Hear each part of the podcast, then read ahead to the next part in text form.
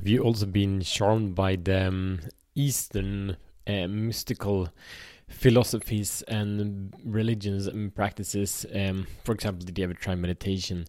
So today we're gonna go into the shadows of meditation and why they keep so many men back from their potential, makes them really, really frustrated and not moving forward, and how you can act against this with power and focus. So welcome to Show the Fuck Up podcast. My name is Matt Fyra, and this show is for men that are ready to free themselves from the prison of playing small and unleash their personal greatness. So let's go.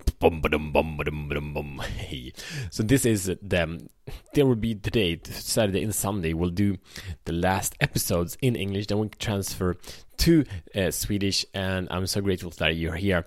This is a conversation I've had way too many times with way too many extraordinary men who are really dedicated to be the best version of themselves and committing to the practice, on the Eastern practice of meditation. And it's uh, to be honest, I haven't done very much. I've done some. I do it every day, but I'm not a, a big fan. Uh, I am a big fan, but I didn't do the deep practices as I've heard many men do. And I'm, I'm a full supporter, and I think it's a one key tool. However, there is a massive, massive issue in um, this spiritual tradition, and if it's um, it can be the practice of uh, the more more popular what is it vipassana meditation or or any kind of of uh, Zen meditation or this basically the the longer practices of meditation in stillness. Huge power, transformative power. However, where we need to check in on the context where they created, where they come from. So the issue is that these practices are created to create a certain kind of state and level of awareness and relationship to the environment and consciousness and, and, and the world that is super, super powerful in a specific place. So it's to take men from a specific place to another place, to change brain frequency. And it's super, super powerful. But the issue is that men go to these practices in a desire to find themselves, to find the freedom that all men are longing for, to find the power and the clarity of who they are. And we can find that in the separation of us, of the identity, that we don't believe that we are who we are, uh, the, and the physical body, and these kind of things. All good. But in these spiritual practices, there are ideals.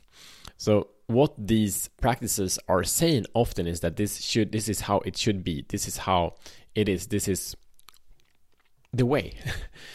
you should achieve this state, you should practice like that, and you should come to a place where you're not attached to this and that. You should come to a place of, of ease, and you should come to a place of uh, uh, of acceptance, and you should come to a place of this in, in the in identification. And this is the path. This is the s- stages of enlightenment, and so on and so forth. And I don't doubt any of this, and I've so so far from the level of wisdom that the masters who this teaching has. However, usually these practices are really powerful in a serene environment, a peaceful environment, um, in an environment that's very far from a lot of the guys that I'm talking to that are married, that maybe running businesses, that have kids, that have you know a busy life as we do have in the West. So what happens with them that they do these practices, but they're actually not transform from the depth of the darkness and the stress. It gives them a tool so they can handle it slightly more effective, but it doesn't give them the transformation they uh, long for. And the more they practice, the more they identify with the ideal of the complete surrender, of uh, the total oneness, or whatever it is. They identify with this ideal, and the ideal separates them from who they are and the potential they have and that equals suffering. That equals an, uh, strengthening the story. That is the reason they started of not being good enough of not being strong enough not having what it takes. And they think but these guys have this amazing experience. Why? Does it not work for me. And this, the truth is that it shouldn't work for you. It's a tool but not for the outcome that other people have taught you because the tool is not um, made to work in the environment where you are is to go. You can have a super powerful uh, drill, electric drill, and take it underwater and use it. It will break. It's kind of the same thing. So the tool is not created for that, but but the power drill underwater can work great as a hammer because you can hit things with it. Like it's no problem, but it has a different effect. So the spiritual idealism is really, really dangerous.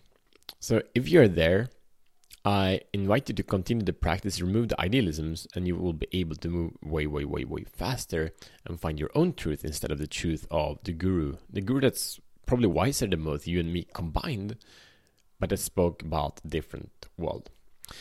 So, um, if you know man that is into spiritual uh, practices and uh, have done it for a long time is into spiritual individualism share this so he can free himself from the prison of playing small and unleash his personal greatness your mission should you choose to accept it is to identify where you live with ideals in your world if they're spiritual cultural religious whatever ideals there are and how they are controlling you and holding you back from living your own truth. And then take action. Create your own truth. Live by your truth. I see tomorrow as better, man.